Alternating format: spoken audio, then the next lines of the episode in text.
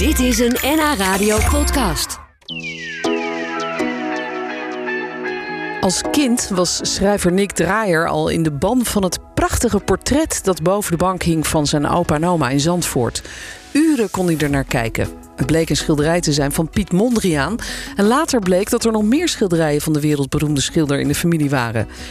Nick dook in de geschiedenis van die schilderijen en de band van zijn familie met Mondriaan en schreef er een boek over, de geheime portretten van Mondriaan.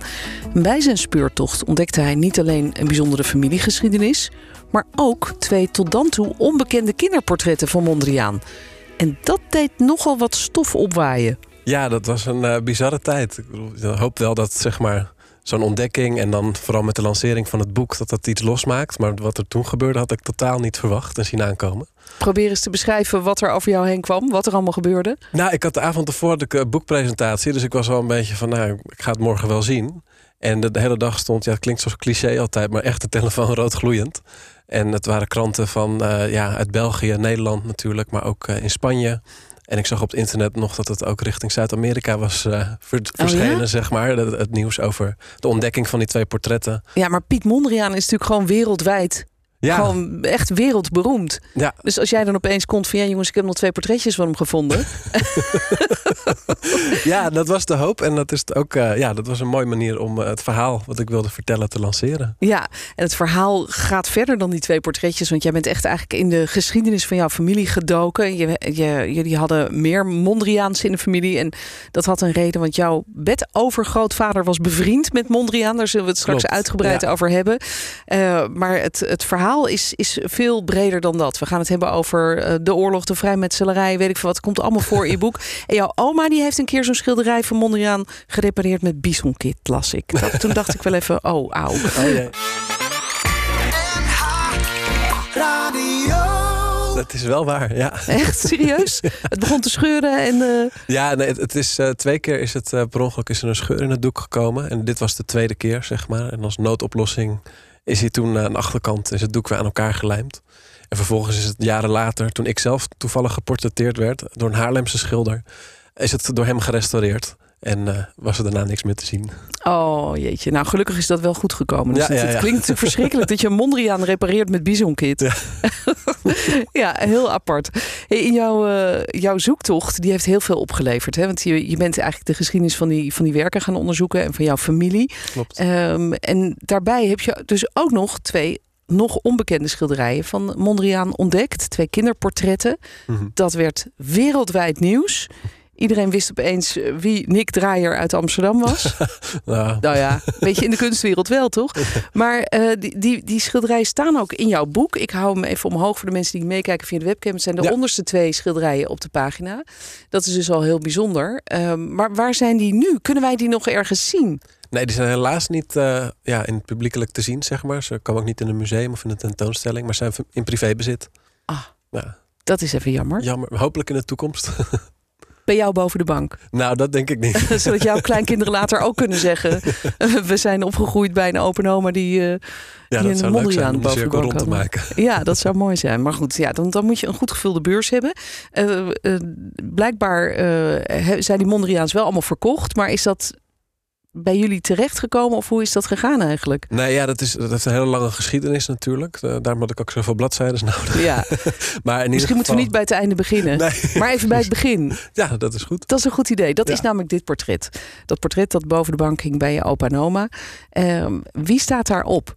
Dat is mijn bedovergrootmoeder, uh, Betsy Cavallini Bergman. Uh, half Italiaanse, opgegroeid in de Jordaan in Amsterdam. En ja, de latere vrouw van mijn bedovergrootvader Kees Bergman. En Kees Bergman die heeft de opdracht gegeven aan Mondriaan om dit portret te schilderen Ja. voor hun aankomende huwelijk. Dus het was een huwelijksgeschenk. Ja, ja, en even voor de duidelijkheid, voor mensen die niet meekijken via de webcam. Dit is niet een Mondriaan zoals wij hem kennen met allemaal vlakke kleuren en, en heldere lijnen. Klopt. Maar ja. echt een, een figuratief, uh, mooi schilderij. Hè? Kun je Klopt. het eens beschrijven hoe het eruit ziet? Ja, het, het is, uh, ja, het is een prachtig werk waarin je ook kan zien dat het een vrouw is die uit een bepaalde klasse, een bepaald milieu in Amsterdam komt. Dat zie je aan de klederdracht. Ze draagt een, een, ja, een, eh, een jurk die je niet helemaal ziet, maar daarboven wel de blouse met ruches. Dat was toen echt net nieuw en echt in de mode. Uh, met een gouden brosje is dat dan afgemaakt. En op haar hoofd heeft ze een hoed van, ja, ze ringen of hyacinten zijn het. Kan ik zelf niet zo goed beoordelen. Ja, om een beetje een wilde uit te stralen. En haar blik die is, uh, kijkt opzij, een beetje dromerig. En voor ons was dat altijd, uh, ja, als wij de woonkamer binnenkwamen waar het werk hing dan, bij mijn oma en opa, dan was het alsof je altijd een beetje aangluurde. Ja, ja. En vandaar dat ze ook de, ja, soort de Mona Lisa van de familie werd genoemd. Oh ja? Ja, ja ze heeft een wel wat geheimzinnige glimlach ook. Ja, ja inderdaad. Ja. ja, wist jij dat het familie van je was? Dat het jouw bedovergrootmoeder was? Ja, dat wist ik wel. Maar verder werd er eigenlijk niet over gesproken. Uh, zoals ik ook al vertel in het boek, het was echt ons familiegeheim. En uh, dat is pas allemaal naar buiten gekomen met de verkoop eind 2018. Ja. En toen pas mocht ik ook ernaar vragen. En, dus, en waarom was dat geheim? Uh, ja, dat, dat, mijn opa en opa waren natuurlijk bang dat er veel mensen van wisten. Dan hangt het in een rijtjeshuis, zeg maar, achter de luxeflex. Om het te beschermen tegen de nieuwsgierige ogen van de buitenwereld. Ja. Maar juist die buitenwereld wilden ze buiten houden. Uh, niet alleen mensen die het mogelijk wilden stelen, maar ook familieleden die er toch allemaal een bepaalde band mee hadden. En zoals ik ook wel vertel in het boek, dat ja, dat ook een beetje op aaste. Ja, ja. Uh, want die kunst die heeft de familie ook wel een beetje verscheurd her en der. Hè? her en der, ja. zeggen. Het, het, het is, uh, de, alle werken van Mondriaan hebben aan de ene kant zeg maar, de familieleden bij elkaar gebracht. En helemaal in het begin, toen ook de portretten gemaakt werden. Maar ja, later met uh, dingen als vererving, ja, dan krijg je toch soms scheve gezichten. Zoals Ruzies in de familie, ja. Jij werd in elk geval nieuwsgierig eigenlijk naar aanleiding van, de, van dit portret dat daar altijd boven de bank van je open oma hing. En je bent in die geschiedenis gedoken. En toen kwam je er dus achter dat, dat uh, ja, de man van deze vrouw, die geportretteerd is, hmm. Kees Bergman, jouw bedovergrootvader, ja. uh, dat hij bevriend was hè, met de schilder Piet Mondriaan. Ja dat, was dat voor jou ook nieuwe informatie? Of was dat wel iets wat in de familie een beetje rondging? Um, het was nieuw toen het, zeg maar, toen het verkocht werd. Toen werd het portret gekoppeld ook aan het portret van Kees Bergman zelf. Want hij is ook door Mondriaan geschilderd in dezelfde tijd.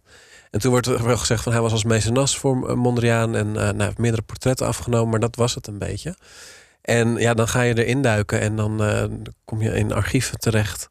En dan word je via uh, dus biograaf van Mondriaan ben ik terechtgekomen. Ja, het is natuurlijk over hem veel geschreven. Ja, ja over hem is ja. heel veel geschreven. Sorry.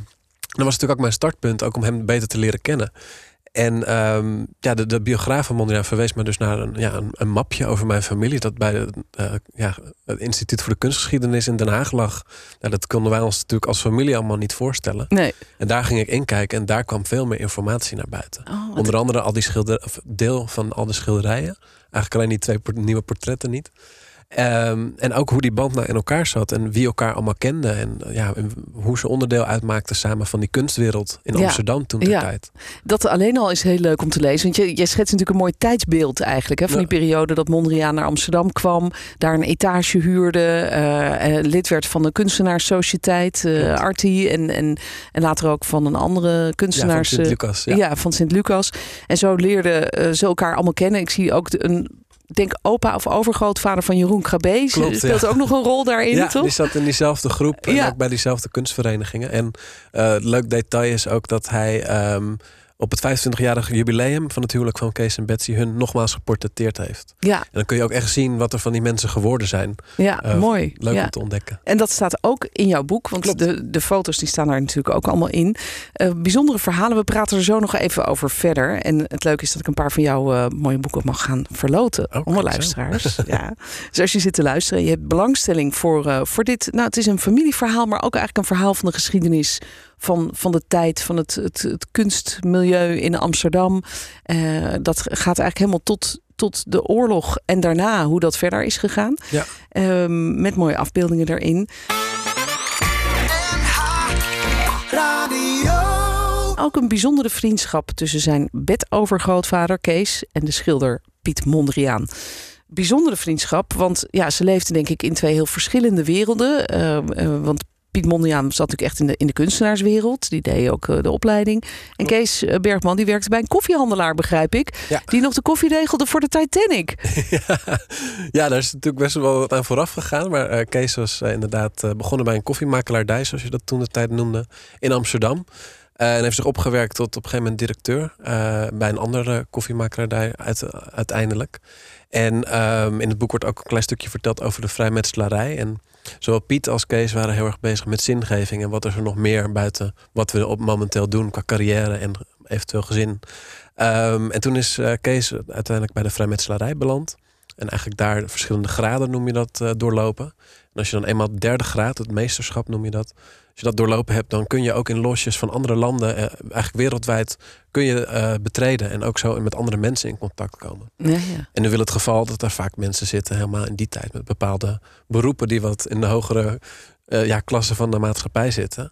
En als we het reconstrueren, ook op basis van familieverhalen, dan kom je er eigenlijk ja, daar kwam ik erachter dat dat dan via de, een loge in Belfast...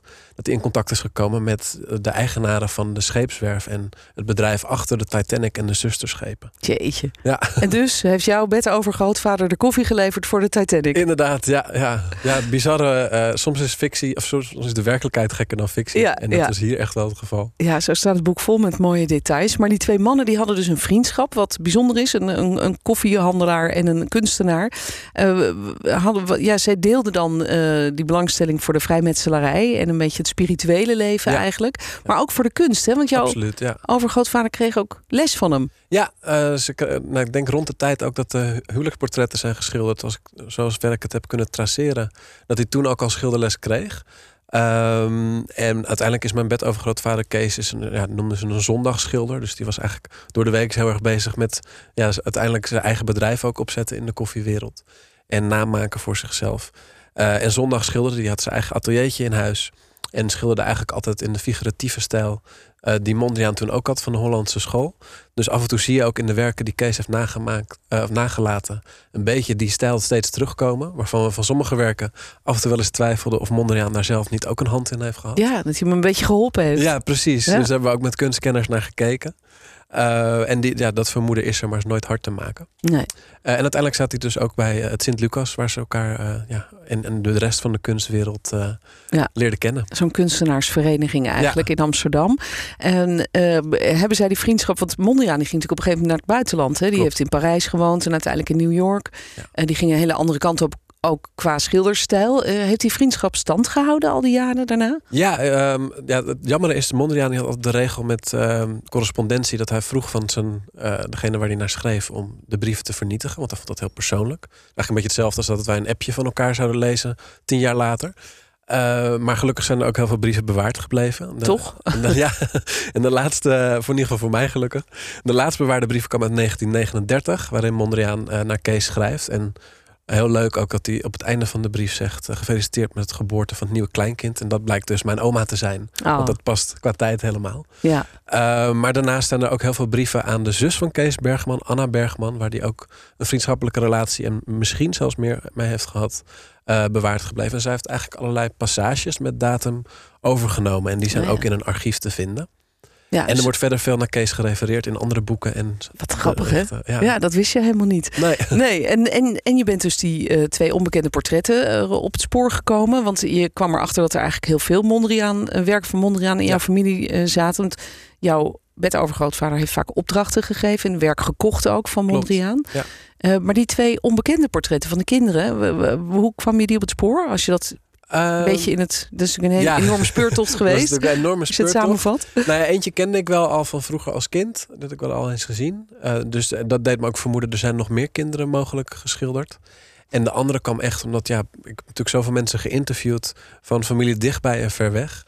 En op een gegeven moment dan kwam ik iemand tegen waar ja, echt een band mee opbouwt. Omdat je eigenlijk je gezamenlijke geschiedenis ontrafelt. En toen kreeg ik een foto in mijn handen gedrukt van de, het laatste ontbrekende portret. En toen uh, was de cirkel rond. Wauw. Ja. ja. Ja, heel jammer dat ze niet bij jou boven de bank houden, hangen.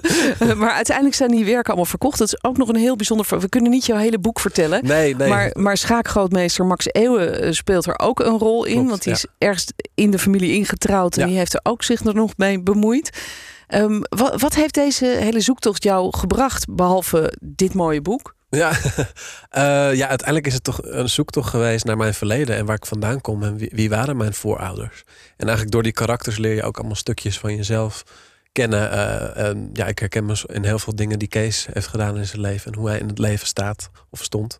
Uh, maar ook die ontwikkeling van Piet vond ik heel interessant om op die manier te volgen. Ja. En die verbeelding ook beter te begrijpen. Ja. Ja, en daarnaast heeft het inderdaad, een van mijn dromen is altijd geweest om te schrijven. En dat heeft dit wel, dit Ja. verhaal helpen doen uitkomen. Ja, ja. eh, ja. Ja, heb je ook nog nieuwe familieleden opgespoord die je nog niet kende? Nou, ze hebben mij eigenlijk opgespoord. Oh ja? Want ja, toen het boek uitkwam natuurlijk is het langzaam eh, wat bekender geworden. En zie ik ook nu op boekpresentaties en lezingen komen er, ja, familieleden van heinde en ver komen me Ja, zich ja. voorstellen aan me. Ja, ja, die denken ook van eh, daar, is- daar zit geld, want ze hebben Nou. allemaal Mondriaans. Die zijn allemaal weg, ja.